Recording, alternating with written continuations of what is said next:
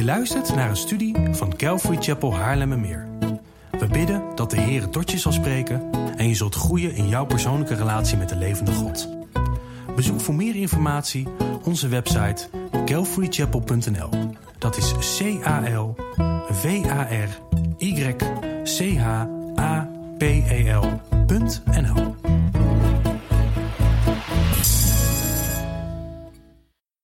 Oké, vandaag trappen wij onze serie Route 66 af. En waarom Route 66? Dat heb ik zelf niet bedacht, ik heb het gejat van iemand anders. maar het is omdat de Bijbel uit 66 boeken bestaat. En omdat het een reis door de Bijbel heen zal zijn, van begin tot eind. Vandaar dus Route 66. Nou, mocht je trouwens niet weten wat Route 66 los van deze serie is of wat het betekent, moet je even aan uh, Peter Velenter vragen wat het betekent. Hij is een grote fan van uh, Route 66. En uh, ja, dit is geen disclaimer, ik wil gewoon open en eerlijk met jullie zijn. De Bijbel op deze manier te onderwijzen is geheel nieuw voor mij. Dus ehm, weet dat ik zelf in dit proces van onderwijzen uh, zoekend ben en, en lerend ben. En dit kan betekenen dat ja, aan het begin van deze serie de studies wellicht een beetje ja, rommelig kunnen zijn. Um, terwijl ik mijn weg hierin aan het zoeken ben. Dus vergeef me daarvoor alvast. Um, ja, jullie zijn eigenlijk een soort proefkonijnen voor dit experiment. En um, ja, maar goed, hoe dan ook. Uh, het is en blijft het levend woord van God. Dus jullie zullen er in ieder geval niet slechter op worden. Ik denk dat het gewoon een zegen met zich mee zal brengen wanneer we uh, hier doorheen gaan. Uh, goed, ik kreeg, ik kreeg het op mijn hart om deze serie te doen, omdat wij als kerk aan het groeien zijn. we zijn aan het groeien in ons geloof, we zijn aan het groeien in onze kennis van God, van zijn woord. En daarom zie ik ernaar uit wat God door deze serie heen gaat doen. Want ik geloof dat dit ons zal helpen om onze groei niet alleen door te zetten, voor te zetten, maar dat het de groei zelfs kan versnellen. En dat het de groei zeer zeker kan gaan verdiepen. Uh, Petrus die zegt iets heel moois. Hij zegt uh, in 2 Petrus 1 vers 3, en dit is uit de Bijbel in gewone taal. De machtige God heeft aan jullie en aan mij alles gegeven wat nodig is om te leven zoals God het wil. Hij heeft ons uitgekozen om bij Hem te horen en Hij heeft ervoor gezorgd dat wij Hem kennen. Daardoor weten we hoe machtig en hoe volmaakt Hij is. Dus Peter schrijft dat God ons alles gegeven heeft wat nodig is om te leven zoals God het wil. Dus we hebben geen excuus. Ik kan niet zeggen, ja maar ik wist het niet of ik, ik kan het niet. Nee, God heeft ons alles gegeven om te leven zoals God het wil. En wat God ons hiertoe gegeven heeft is, één, de Bijbel. God heeft ons de Bijbel gegeven. God heeft ons de Heilige Geest gegeven, de Parakletos uit Johannes hoofdstuk 14. Maar dan moeten wij het woord van God wel tot ons nemen. door het te lezen, door het te bestuderen, door naar preken te luisteren. Want het komt niet uh, telepathisch vanuit dit boek zo naar binnen. Nee, wij, wij moeten er iets voor doen. Nou, ook schrijft Petrus dat Jezus ervoor gezorgd heeft dat wij God kunnen kennen. En Jezus heeft door zijn dood aan het kruis en door de opstanding uit de dood de weg gebaand. En door de Bijbel ons eigen te maken, uh, gaan wij God en Jezus Christus dus ook beter kennen. En nogmaals, dit gaat niet, echt niet vanzelf. Uh, ik kan bijvoorbeeld pas echt gaan genieten van de voordelen van een heerlijk stukje ribeye steak. en wanneer ik er een stuk van afsnijd en het in mijn mond stop. Dan gaan mijn smaakpapillen die gaan helemaal ja, op tilt. Ze genieten ten volle. Mijn maag die wordt gewoon ja, heerlijk vol.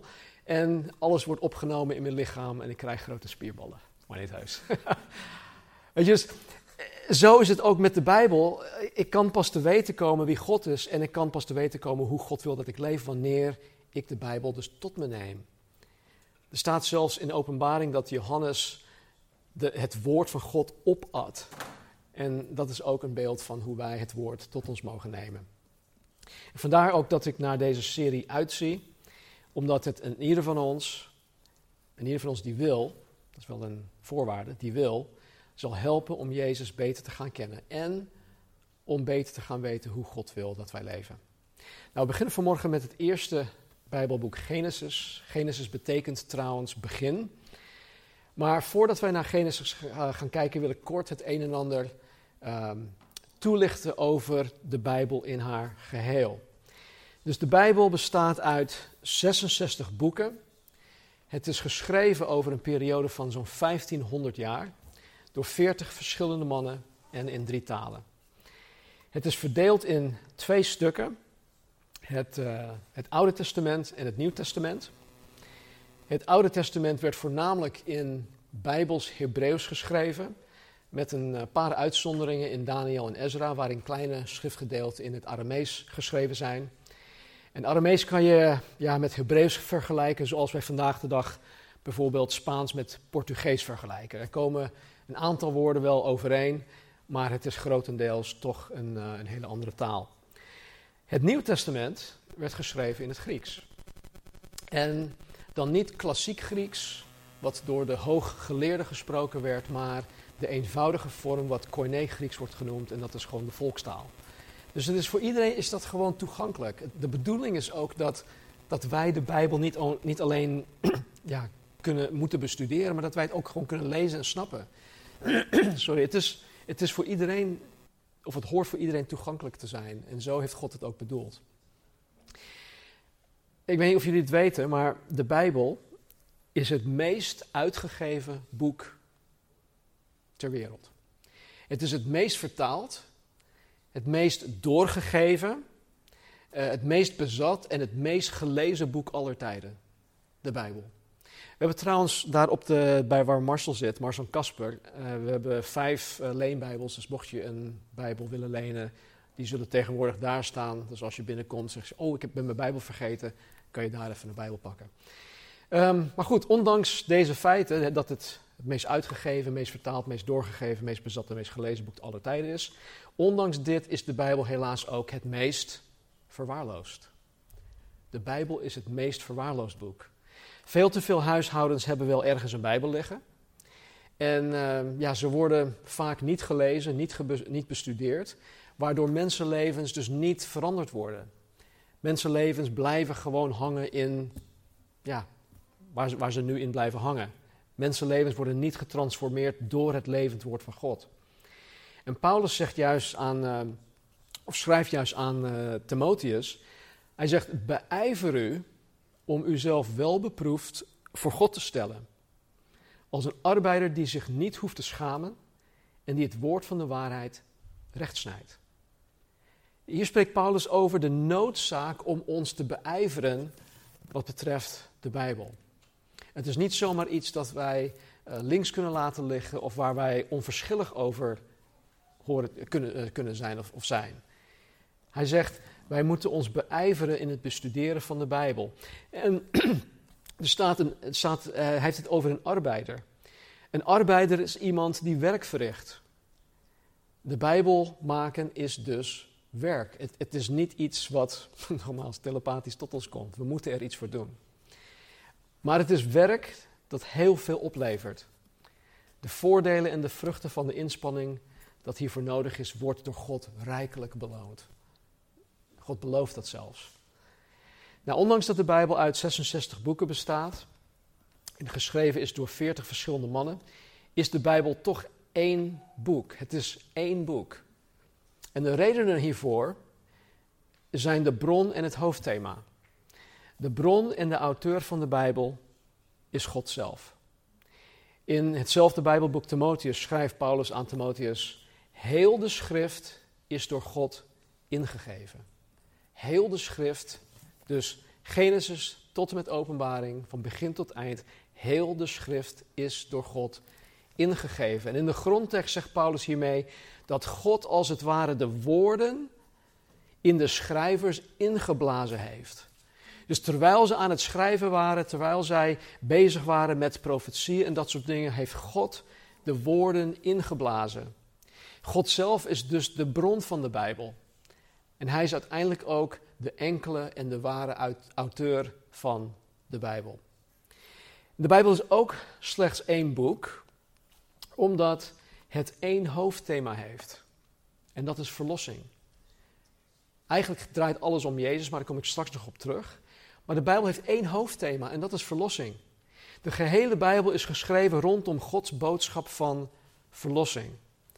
En we komen deze boodschap als eerste in Genesis hoofdstuk 3 tegen. En als wij de rode draad dan vanaf Genesis 3 volgen helemaal tot aan Openbaring 22, dan zien wij het hoogtepunt van Gods verlossing gemanifesteerd in nieuwe hemel, nieuwe aarde, waar alles gewoon nieuw zal zijn. Dus zoals ik eerder had gezegd, bestaat de Bijbel uit twee hoofddelen. Het Oude Testament en het Nieuw Testament. En het, ehm, ehm, het Oude Testament begint met de schepping van hemel en aarde. Dus het Oude Testament, Genesis 1, vers 1, begint met de schepping van hemel en aarde. En het gaat helemaal door tot ongeveer 400 jaar voordat Jezus Christus op aarde kwam.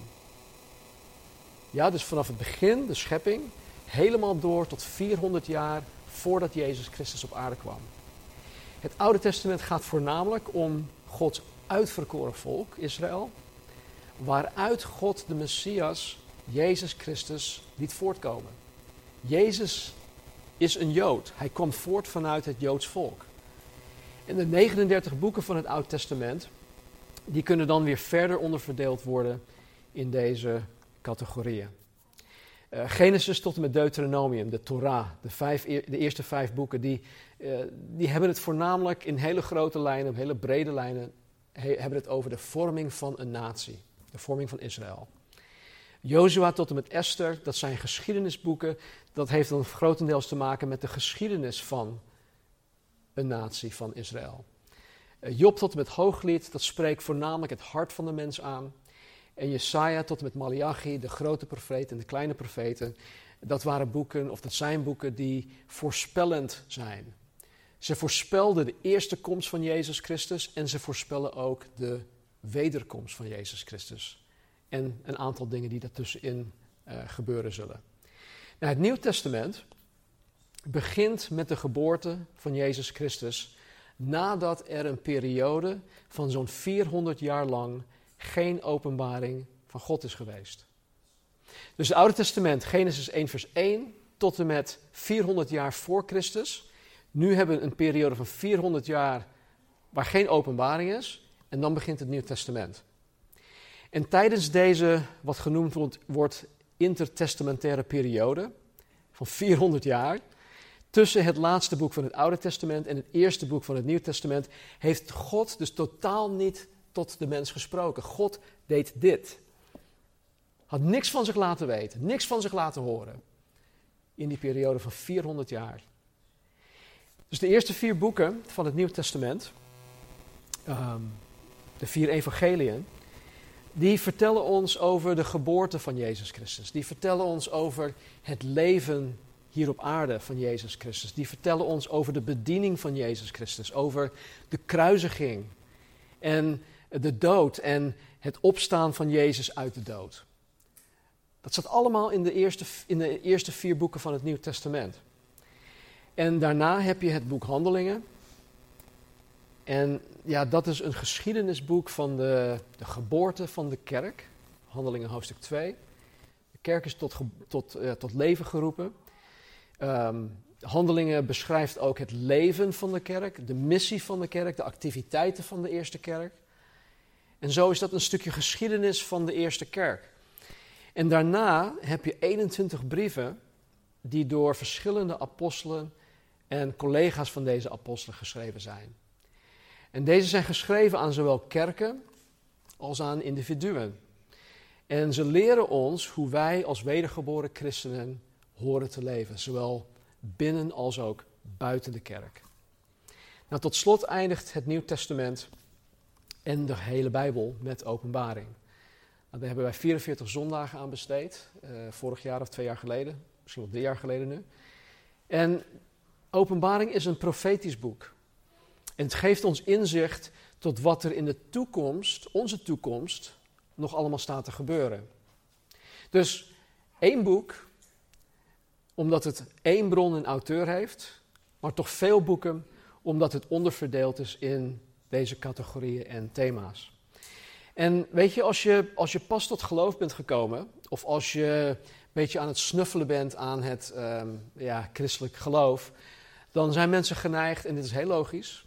Eerste wat ze doen, ze pakken een Bijbel, beginnen bij Genesis 1, hoofdstuk 1. En na een aantal hoofdstukken zeggen ze van iets, zoiets van, joh, ik snap, er de, ik snap er helemaal niks van. En dat is logisch, want je hebt eigenlijk, ehm, ja, het is heel lastig om, om dat te lezen en om dat te geloven. Dus wat wij altijd ehm, aanraden aan iemand die aan het christelijk geloof aan het snuffelen is, of iemand die net tot geloof is gekomen, begin niet met het eerste boek, maar begin bij boek 40. En boek 40 is Matthäus. Begin gewoon bij de evangeliën en lees dan gewoon het hele Nieuw Testament door. Het zijn 27 boeken.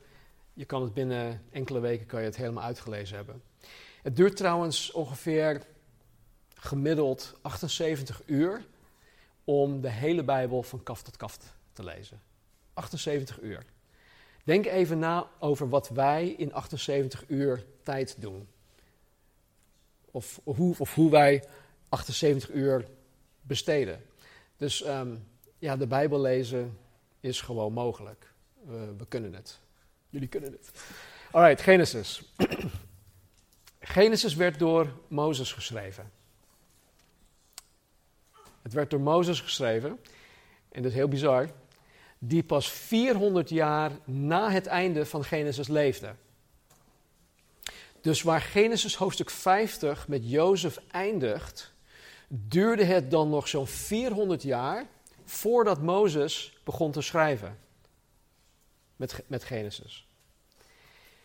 En Mozes leefde zo'n 2500 jaar nadat Genesis begon, Genesis 1 vers 1. Dus hoe hij dat allemaal uh, meegekregen heeft, dat is een hele andere studie. Maar uh, de, de, de, hoe heet dat, de theologen, de geleerden, die, die, die, die weten en die hebben het allemaal onderzocht dat Mozes de schrijver is. Genesis zou je eigenlijk kunnen zien als een, een hele lange, een hele lange inleiding op Exodus. Want Exodus is bij uitstek een boek dat over verlossing gaat. Exodus gaat voornamelijk over Gods verlossing. Exodus geeft heel duidelijk weer wat er met een mens gebeurt wanneer een mens gered wordt door zijn of haar geloof in Jezus Christus. Dus ben jij tot geloof gekomen in Jezus Christus, dan moet je Exodus lezen, want dat is precies wat er met jou is gebeurd. Dat zullen we volgende keer, volgende keer nog iets, uh, iets gaan uitdiepen. In Exodus zien wij dat het volk Israël in slavernij en in gebondenheid leeft. En we zien dat God Israël verlost door het vergoten bloed van lammeren dat op de deurposten werd aangebracht. En tot op de dag van vandaag vieren de Joden het Pascha, het paasfeest. En ze doen dat om stil te staan bij Gods verlossing uit Egypte. En dit is een perfect beeld van wat Jezus Christus en de verlossing dat Hij ons biedt door zijn bloed voor ons vergoten werd. Het is een beeld van wat Jezus voor ons gedaan heeft. De apostel Paulus noemt Jezus zelfs ons paaslam dat voor ons geslacht is. En het is ook geen toeval dat hij dus met het paasfeest gekruisigd is en weer opgestaan is. Het boek Exodus geeft ons een perfect beeld van het werk dat Jezus voor ons gedaan heeft aan het kruis. En door ons geloof in Jezus worden wij verlost van zonde, van alle gevolgen van dien. Wij worden verlost van de wereld en van de dood, net zoals de Israëlieten verlost werden uit hun slavernij, uit Egypte. Nou, Exodus zou nergens opslaan zonder Genesis. Stel dat wij Genesis gewoon even uit onze Bijbels scheuren en je begint bij Exodus. Exodus zou nergens opslaan zonder Genesis. Want in Genesis komen wij voor het, komen wij voor het eerst God tegen. In vers 1 al. Hoofdstuk 1, vers 1. In Genesis komen wij de mens voor het eerst tegen. In Genesis komen wij de zonde voor het eerst tegen. In Genesis komen wij Gods verlossing voor het eerst tegen. Dus we zouden de verlossing van Exodus totaal niet kunnen begrijpen zonder Genesis. Sterker nog, we zouden geen enkel boek in de Bijbel kunnen begrijpen los van Genesis. Zo belangrijk is Genesis dat wij geen enkel ander Bijbelboek kunnen begrijpen zonder Genesis. Genesis laat ons kennis maken met alles dat de, de resterende 65 boeken in de Bijbel ons duidelijk wil maken. Genesis beantwoordt bijvoorbeeld deze vraag: Hoe is het allemaal begonnen? Hoe is het allemaal begonnen? Openbaring beantwoordt de vraag: waar gaat dit allemaal naartoe? Nou, er is een zekere theoloog die heet J. Sidlow Baxter. Hij schrijft dit. In Genesis zien wij het paradijs afgesloten voor de mens. In Openbaring zien wij het paradijs geopend voor navolgers van Jezus Christus. In Genesis zien wij de vloek dat opgelegd wordt op de gehele schepping. In Openbaring zien wij dat de vloek door God geheel weggenomen wordt. In Genesis zien wij het begin van verdriet en de dood. In Openbaring zien wij dat God alle verdriet en de dood geheel teniet doet. Dus Genesis helpt ons te begrijpen hoe het allemaal begon. En openbaring helpt ons te begrijpen waar het allemaal naartoe leidt. En de 64 boeken ertussenin vullen de gaten. Zo simpel is dat. Dat is onze Bijbel. Wij kunnen het begrijpen. Even kijken. Yes. Genesis bestaat uit 50 hoofdstukken, maar het bestaat in principe uit, uit twee hoofdonderdelen of twee delen. Genesis 1 tot en met 11 gaat over vier hoofdgebeurtenissen: de schepping, de zondeval, eh, de zondvloed en de toren van Babel. Nou, Genesis 1 tot en met 11 behelst een periode, periode van zo'n 2000 jaar. Dus als je met Genesis 1 begint, en als je aan het eind van Genesis 11 komt, dan heb je een stuk gelezen van wat 2000 jaar heeft geduurd. En toch lezen we er heel snel overheen. Dus wees daarvan bewust. Genesis 12 tot en met 50, dat behelst een veel kortere periode, zo'n 286 jaar. En dat gaat niet over uh, hoofdgebeurtenissen, dat gaat over vier hoofdpersonages. En dat zijn Abraham, Isaac, Jacob en Jozef. En nogmaals, deze periode behelst zo'n 286 jaar. En de vier hoofdgebeurtenissen zijn dit. Eén is de schepping, uh, de zondeval, de zondvloed en de toren van Babel. Nou, de eerste hoofdgebeurtenis is de schepping in Genesis hoofdstuk 1 en 2. Dus hoe is het allemaal begonnen, wordt in Genesis 1 en 2 beantwoord. En in Genesis 1 vers 1 staat dit. In het begin schiep God de hemel en de aarde. In het begin schiep God de hemel en de aarde. Dit is het allereerste dat God aan de mens bekend wilde maken. In het begin schiep God de hemel en de aarde.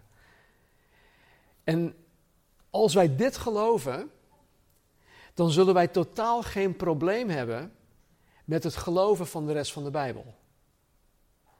Want hiermee zegt God dat Hij, de Almachtige God en Schepper, het gehele heelal uit niets heeft geschapen. Uit niets. Wij mensen, wij creëren dingen. Wij, wij doen dat niet door middel van creatie, zoals de Bijbel het ons leert, maar door synthese. Wij, wij brengen bepaalde bestanddelen die, we al, die al bestaan en we brengen ze samen. Mijn vrouw doet dat bijna elke dag op een geweldige manier in de keuken. Maar God heeft het heelal uit niets geschapen. En GodQuestions.org verwoordt het als volgt. Ik citeer. Het vroegste en meest diepgaande wonder van alle is het wonder van de schepping. God schiep alles ex nihilo uit het niets. En elk wonder dat nadien, of elk wonder nadien, bekrachtigde zijn ongelooflijke macht. Einde citaat. Dus hij heeft echt uit het niets heeft hij alles tot stand gebracht. Dus Genesis 1:1, als wij dat kunnen geloven, dan hebben wij geen probleem met de rest van de Bijbel. Maar Genesis 1:1 helpt ons niet alleen de rest van de Bijbel te geloven en begrijpen. Het ontkracht meteen ook alle uh, valse godsdiensten en valse uh, opvattingen van wie God is. En religies, alles, alle valse religies die er zijn. Bijvoorbeeld dit. In het begin schiep God ontkracht atheïsme. Want atheïsme zegt dat God niet bestaat. En de eerste zin in de Bijbel zegt: In het begin schiep God. Dus God, eh, de Bijbel probeert nooit te. Um, um, hoe zeg je dat? Hm? Ja, God probeert nooit te bewijzen dat hij bestaat. Hij zegt het gewoon. In het begin schiep God. Dus het ontkracht atheïsme. In het begin schiep God ontkracht ook polytheïsme. Polytheïsme beweert dat er meerdere goden zijn. Denk bijvoorbeeld aan onze studie in, um, in openbaring. En dat we het hadden over uh, meerdere goden die aan, aanbaden werden. Uh, denk bijvoorbeeld aan je buurman die denkt dat uh, alle wegen tot God leiden. Het maakt niet uit of je Allah uh, aanbidt of dat je Boeddha aanbidt of wie dan ook. het is allemaal één en dezelfde God. Het komt allemaal uiteindelijk ehm, op dezelfde plek terecht. Ja, we komen allemaal uiteindelijk wel voor God te staan. Maar waar je de eeuwigheid ja, besteedt, dat is toch een ander verhaal. In het begin schiep God ontkracht ook fatalisme. Dat beweert dat wij hier door toeval zijn. Er zijn mensen die dus echt geloven dat wij hier door toeval zijn. En weet je, als ik hier door toeval ben, dan, dan heb ik geen waarde.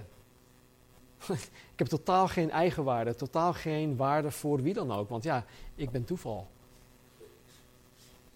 In het begin schiep God ontkracht ook pantheïsme dat beweert dat de aarde God is. We hadden het uh, in onze studie in uh, openbaring ook nog over, over Gaia en, over um, uh, paganisme, pantheïsme. Weet jullie nog die, die foto met die bomen, boomknuffelaren? dat de, de, aarde is, de moeder God of moeder aarde is, is God. Nee, moeder aarde is, is, is een schepping van God die het geschapen heeft. Dus in het begin schiep, uh, schiep, God ontkracht ook materialisme. En dan niet van, joh, ik wil allerlei dingen hebben, maar de materie dat reeds eeuwig bestaat. Er wordt ook gedacht dat alle materie wat er is, dat, dat bestond al voor eeuwig. Terwijl de Bijbel zegt, in het begin schiep God. Nou, goed, dit. Verder zien wij in Genesis 1 en 2, in, uh, in grote lijnen, de rest van Gods schepping. En dan vooral de kroon van Gods schepping, de mens. En dat de mens door God geschapen is om een persoonlijke relatie met Hem te hebben. In fellowship, in gemeenschap met Hem. Er staat in de Bijbel, God wandelde met Adam. Nou, daarna in Genesis 3 zien wij de zondeval. Waardoor die, die intieme relatie die dat God met de mens had, um, plotseling kapot gemaakt werd. Uh, door de zonde. En we zien dat niet alleen de relatie tussen God en de mens kapot werd gemaakt, de gehele schepping werd door de zondeval aangetast en vervloekt. En deze ene gebeurtenis is de oorzaak van, van alle ellende, alle leed, alle kwaad en de dood dat de wereld sindsdien ervaart. Dus als mensen vragen waarom is er zoveel dit en zoveel dat, nou dat heeft dat, dat, dat, ja, dat heeft zijn oorsprong in wat er in Genesis 3 is gebeurd. En dit zal alleen gaan veranderen wanneer Jezus Christus voor de tweede keer op aarde terugkomt. Om zijn koninkrijk hier op aarde te vestigen. En vervolgens dat er een nieuwe hemel, een nieuwe aarde gaat komen. Dus tot die tijd zullen we alleen nog maar te maken hebben met ellende, met leed, met kwaad en dood. En weet je, direct na de zondeval beseften Adam en Eva ineens dat zij naakt waren. Daarvoor hadden ze geen benul dat ze naakt waren. Kon het helemaal niks schelen. En wat er gebeurde op dat moment is dat zij door hun eigen zonde te willen bedekken, door een, een, ja, een soort van rokje of broekje te maken van vijgenbladen, eh, dat zij eigenlijk uh, de eerste valse religie of godsdienst in het leven hadden geroepen. Want dit was de menselijke poging om hun eigen zonde te gaan bedekken. En ik weet dat Casper het hier ook uh, ooit heeft over gehad, maar um, ik weet niet of jullie ooit vijgenbladen hebben gezien, maar vijgenbladen die, die jeuken nogal. Die jeuken nogal. Laat maar. Dus ze hadden broekjes en dingen gemaakt van vijgenbladen. Anyway. Um, en weet je, dit, dit wijst eigenlijk, of uiteindelijk, wat, wat God hier um, gedaan heeft. Want God zag ja, hun, hun toestand met die vijgenbladen. Ze probeerden hun eigen zonde te bedekken. En God zag dat. En wat, wat deed God? God maakte hun kleren uit dierenhuiden. En wat moet er gebeuren met een dier om zijn of haar huid te krijgen? Het dier moet geslacht worden, het dier moet gedood worden. Dus dit gaf meteen al aan dat er bloed vergoten moest worden om de zonde te bedekken. En want God moest dieren doden om aan die huiden te komen. Dus in Genesis 3 zien we al het eerste uh, teken van het offersysteem. Dat dieren geofferd moesten worden om zonde te bedekken. En dit gedeelte in hoofdstuk 3 wijst uiteindelijk naar het offer van Jezus Christus aan het kruis. Want zijn bloed moest voor ons eens en voor altijd vergoten worden. En dan niet om onze zonde slechts te bedekken, maar om onze zonde geheel weg te doen en om de vloek ongedaan te kunnen maken. Ik weet niet of jullie dit, dit echt doorhebben, maar op het moment dat je tot geloof komt in Jezus Christus, zijn al jouw zonden vanuit Gods optiek zijn helemaal weg. Helemaal weg. God ziet ons nu door de bril van Jezus Christus en hij ziet ons als volmaakt. Wij hebben zijn gerechtigheid, zijn rechtvaardigheid gekregen. Wij hebben de, de, de positioneel zijn wij niet alleen uh, gerechtvaardigd, maar wij zijn ook geheiligd. Wij zijn um, um, glorified. Um, wat is dat? Verheerlijkt, ja, sorry, verheerlijkt. Zo ziet God ons nu al. Dus laat je eigen geweten of laat de Satan je vooral niet beroven van de vreugde die wij kunnen hebben door te weten dat wij volledig en volkomen vergeven zijn. Dat er geen zonde, uh, ja, dat God niet naar ons kijkt en van wat een zondaar ben jij. Er staat in Genesis 3:15 dit. God spreekt hier tegen de slang, tegen de Satan. Hij zegt, ik zal vijandschap teweeg brengen tussen u en de vrouw. En tussen uw nageslacht en haar nageslacht. Dus haar nageslacht zal u de kop vermorzelen. Met andere woorden, hij zal jou doden. En u zult het de hiel vermorzelen. Met andere woorden, het zal um, lastig zijn. Het is net alsof je een steentje in je schoen hebt. Dat is gewoon irritant. Het is meer dan irritant voor ons en voor Jezus, maar dat is een beetje, een beetje de bedoeling. En wat hier, wat hier heel bijzonder is, is hij zegt tegen, of over de vrouw, dus ik zal vijandschap teweeg brengen tussen u en de vrouw, tussen uw nageslacht en haar nageslacht. Nageslacht in het Hebreeuws woord is zaad. Jullie weten, jullie die opgelet hebben in biologie, dat de vrouw geen zaaddrager is. Vrouwen zijn eidragers. En hier zegt God tegen de vrouw, tussen jouw zaad en haar zaad. Dus hij, hij geeft eigenlijk al aan dat zij, die de Messias voort zal brengen, dus um, bevrucht gaat worden door iets wat bovennatuurlijk is.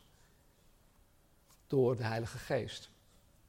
En dit vers, vers 3, uh, hoofdstuk 3, vers 15, dat wordt door theologen het proto-evangelium genoemd omdat God hier meteen al belooft dat het evangelie komen zal. Dus duizenden jaren voordat Jezus op het toneel kwam, geeft God hier al de belofte dat hij gaat komen. En de vervulling van Gods plan om een redder, een verlosser naar de aarde toe te sturen, heeft vanaf dit moment nog duizenden jaren geduurd voordat het tot het hoogtepunt kwam in de kruisiging van onze Heer Jezus en zijn opstanding uit de dood. En zelfs nu, vandaag, 2000 jaar na de kruisiging en de opstanding uit de dood van Jezus, is het proto-evangelium nog steeds van kracht. Genesis 3:15 is nog steeds van kracht, maar alleen als jij het evangelie van Jezus Christus aanvaardt en hem koste wat kost navolgt. Dus ja, het is van kracht, maar wij moeten het wel aanvaarden. Nou goed, daarna komt, Genesis, of komt in Genesis 6 tot 8 de zondvloed. Wat ons een duidelijk beeld geeft van de toorn van God. En tegelijk ook de verlossing en de redding van God. Gods toorn kwam door de zondvloed op de mensheid omdat de mens zich totaal van God had afgekeerd. In Genesis 6, vers 5 staat dit. En de Heere zag dat de slechtheid van de mens op de aarde groot was. En dat al de gedachtenspinsels van zijn hart elke dag alleen maar slecht waren. Nou, wij kunnen als mensen niet weten wat er in de gedachten en in de harten van mensen leeft. Ik kijk nu naar jullie en ik heb geen flauw idee wat jullie denken. Ik weet niet wat in jullie harten leeft en in jullie ook niet in mij. Maar God, God weet het wel. God doorgrondt de gedachten en de harten van alle mensen. En hij doet het zelfs nu. God weet waar je nu aan denkt. Wat je opgeborgen hebt in je hart. En het was niet alleen zo dat de mensen dus slechter dan ooit waren. Want God zag het. Er was iets duister gaande, iets zeer duister gaande in die tijd, in die periode. Iets van demonische aard. Nog erger dan vandaag de dag. En God moest daar een eind aan maken. En dit is te lezen in Genesis 6, 1 tot en met 4. Ik zal het voorlezen. Genesis 6 en dan 1 tot en met 4. Ik was niet van plan om het te lezen, maar ik denk wel dat het belangrijk is, handig is. En het gebeurde toen de mensen zich op de aardbodem begonnen te vermenigvuldigen en er dochters bij hen geboren werden, dat Gods zonen, de dochters van mensen, zagen dat ze mooi waren. En ze namen zich vrouwen uit allen die zij uitgekozen hadden. Toen zei de Heer: Mijn geest zal niet voor eeuwig met de mens twisten, omdat ook hij vlees is. Maar zijn dagen zullen 120 jaar zijn. In die dagen en ook daarna waren er reuzen op de aarde, toen Gods zonen bij de dochters van de mensen waren gekomen en die kinderen voor hen baarden. Dit zijn de geweldenaars van oude tijden af, mannen van naam. Nou, de meningen zijn hierover verdeeld. Maar kennelijk waren er in die tijd demonen die seks met menselijke vrouwen hadden, waardoor deze vrouwen zwanger raakten en gruwelijke, reusachtige wezens voortbrachten. En ik persoonlijk geloof ook, of ik geloof dit, dat dit een poging van de Satan was om de mensheid ehm, ja, ja, uit te roeien, om de mensen te corrumperen, om hun corrupt te maken. Nog meer dan zij zelf, uh, zichzelf had, corrupt had gemaakt. En, en dat, dat deed dan de Satan, zodat de beloofde Messias niet geboren zou worden uit de mensheid, zoals God dat in Genesis 3 al had beloofd. En uh, David Guzik had een aantal jaren geleden in Ziegen een hele mooie studie gegeven over dit, dat de Satan op zoveel punten in het Oude Testament um, de mensheid wilde uitroeien om te voorkomen dat de Messias op het toneel zou komen. En dit is één zo'n plek in het Oude Testament waar dat dus uh, gebeurde. Maar goed, de, mens, de zonvloed was niet alleen een, een, uiting van Gods toorn, ook niet een uiting van, alleen niet een, uit, een uiting van Gods oordeel, het was ook een daad van verlossing. Het was een daad van verlossing, want God had uit de gehele bevolking van die tijd acht mensen gevonden die nog oprecht van God hielden acht rechtvaardige mensen die uh, zich nog aan God schikten.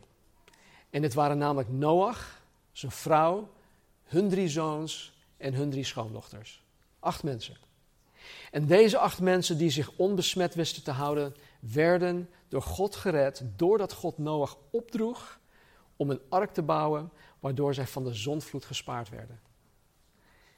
Noach en zijn gezin kregen genade van God in de meest duistere periode in de geschiedenis van de mensheid. Er staat in Genesis 6, 8, maar Noach vond genade in de ogen van de Heer. Voor jullie dit, die dit interessant vinden, dit is de eerste keer dat het woord genade voorkomt in de Bijbel. En door deze genade werden zij gered. En redding is trouwens altijd door Gods genade, nooit door iets anders. Maar stel je voor, wij, kunnen, wij hebben geen uh, voorstelling van hoe slecht het toen was. Maar dat er in de meest duistere periode, duistere periode geschiedenis van de mens, Gods genade iemand kon redden. Als dat mogelijk is, dan is het mogelijk om iemand vandaag de dag nog steeds te redden. Dus hoe hopeloos het ook eruit ziet voor je geliefden, voor je familieleden, voor je buren, wie dan ook. Gods genade is bij machten om jouw geliefde te redden, ook in deze duistere periode. In Efeze 2, vers 8 en 9 staat: Want uit genade bent u zalig geworden. Door het geloof, en dat niet uit u, of uit uzelf, het is de gave van God, niet uit werken, opdat niemand zou roemen. Doordat Noach en zijn gezin Gods genade kregen, ontsnapte zij de toorn en het oordeel van God. God zal trouwens nooit, en dit moet je echt onthouden. God zal trouwens nooit de, de rechtvaardigen gelijk met de onrechtvaardige straffen. Ja? God zal nooit de rechtvaardigen samen of gelijk met de onrechtvaardige straffen. Dat zien wij hier in de zondvloed. We zien het ook in, in Sodom en Gomorra. We zien het door verschillende voorbeelden in de Bijbel heen. En daarom is, is dit dan ook, voor mij persoonlijk, is dit een, een, een uh, de verhaal van de redding van Noach, is een beeld van de, de pre-tribulation rapture. Ja, de pre-tribulatie-opname, laat ik het even zo noemen. Oftewel de opname van de kerk voor de zevenjarige verdrukking. Want de zevenjarige verdrukking is, is, is, is, is een, een, een periode waarin God zijn oordeel en zijn toorn uitstort over de aarde. En wij als Gods rechtvaardigen zullen niet mede gestraft worden met de onrechtvaardigen. Alright. We hebben naar de schepping gekeken, naar de zondeval, de zondvloed. We gaan nu kijken naar de vierde en laatste hoofdgebeurtenis en dat is de toren van Babel uit Genesis 11. En ik vind dit super interessant, want tot op dit moment in de geschiedenis was er wereldwijd slechts één taal. Er was maar één taal. En in dit verslag zien wij dat God de taal van mensen dus in verwarring brengt, zodat de mensen elkaar niet meer konden verstaan. Ze kregen allemaal een andere taal, een andere taal te spreken. Nou, de evolutionisten denk ik, geloof ik, hebben ons beeld van de oudheid verdraaid. En ze hebben het verdraaid door ons te doen denken dat de mannen van de oudheid beenderen door hun neus hadden gestoken als piercings. Dat ze ja, eh, de vachten van uh, uh, wollige uh, mammoeten droegen. Dat zij rondliepen met houten knuppels en dat zij hun vrouwen bij de haren rondsleepten. Dat is een beetje het, het, het beeld dat wij meekrijgen. Mee maar zo was het totaal niet. Zelfs nog voor de zondvloed spreekt de Bijbel in Genesis 4 al van veehouderij. Dat doe je niet zomaar. Daar heb je toch een, een, een mate van, van ja, sophistication voor nodig. Er wordt gesproken in Genesis 4 van landbouw, van koper- en ijzerbewerkers, van muzikale instrumenten als een harp en een fluit. Een harp, dat, ja, ik zie, ik zie zo'n iemand met zo'n uh, beenpiercing door zijn neus en een knuppel en een uh, vacht van een uh, wollige mammoet. Geen harp maken. Maar goed. Weet je, het was in die tijd dus een, een, een, een geavanceerde samenleving. En ook na de zondvloed, nadat de mensen de aarde herbevolkten, vormden de mensen een geavanceerde eenheid die zich dan wederom, voor de zoveelste keer, tegen God keerde. En kijk, de bedoeling van het bouwen van de toren van Babel was niet om een poging om de hemel te gaan bereiken. Dat ze eerst een, een, een toren zou bouwen die de maan bereikte en van op de maan nog een toren naar Mars of noem maar op, dat ze zo uh, uiteindelijk de hemel gingen bereiken. Nee, het, het was de bedoeling dat zij vanuit die hoge toren de hemellichamen gingen aanbidden. Het was een soort tempel, het was een soort plaats van aanbidding. Ze hadden zich wederom geheel afgekeerd van de enige echte levende God van de schepping. En zoals, in, zoals het in de Romeinen 1 staat, aanbaden zij de schepping in plaats van de schepper. Weet je, als je nagaat, hè, dan wanneer iemand zich een machtspositie positie toe-eigent, dan is het vrijwel altijd iemand die God niet eert. Behalve enkele voorbeelden uit het Oude Testament. Enkele koningen. Maar zelfs dan. En deze mensen die een machtspositie positie krijgen, die rebelleren juist tegen God. En zo ook hier in deze situatie in, in Genesis 11 kregen de mensen de macht om bijzondere dingen te doen.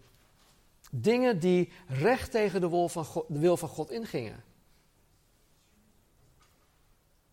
In openbaring bijvoorbeeld zien wij dat er tijdens de verdrukking een één wereldregering komt. En dat alle andere regeringen en religies en culturen zich zullen schikken onder één wereldregering. En dan zal het absoluut niet zo zijn dat zij zich aan de God van de Bijbel schikken. Nee, ze gaan, juist tegen, ze gaan zich juist tegen God verzetten en zij willen God onttronen. Onder leiding van de antichrist en de valse profeet. En zo ook hier in het verslag van Babel zien wij dat de mensheid die, macht had, die de macht had verworven, de rechtmatige God van de hemel en aarde willen onttronen door de schepping te aanbidden in plaats van de schepper zelf. Nou, um, Route 66 wordt Route 67.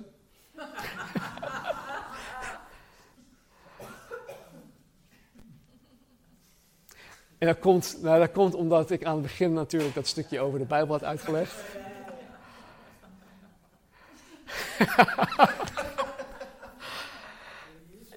Ja, dus ik moet, uh, ja, ik moet het tweede deel van Genesis aanstaande zondag met jullie doornemen. Maar goed, dat, dat, gaat, veel, dat gaat veel sneller, maar niet snel genoeg om het vandaag te doen. Oké, uiteindelijk gaat de Bijbel hierom. Er staat in Lucas 24, 27, nadat Jezus was opgestaan, had, had Jezus een gesprek met twee mannen die hem niet herkenden. En hij ging met hen op pad, op reis, en hij begon met hen te praten over wie hij is. En dan staat er, en hij, Jezus, begon bij Mozes en al de profeten, en hij legde hen uit wat in al de schriften over hem geschreven was. Als ik dit lees, dan, dan wou ik zo dat dit op YouTube stond.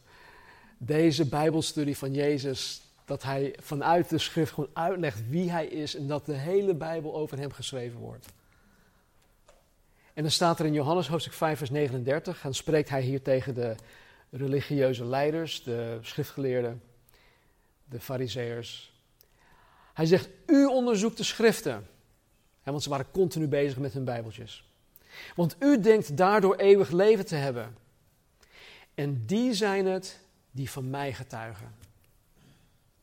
Dus wat zegt Jezus hier in deze twee versen? De hele Bijbel gaat om mij.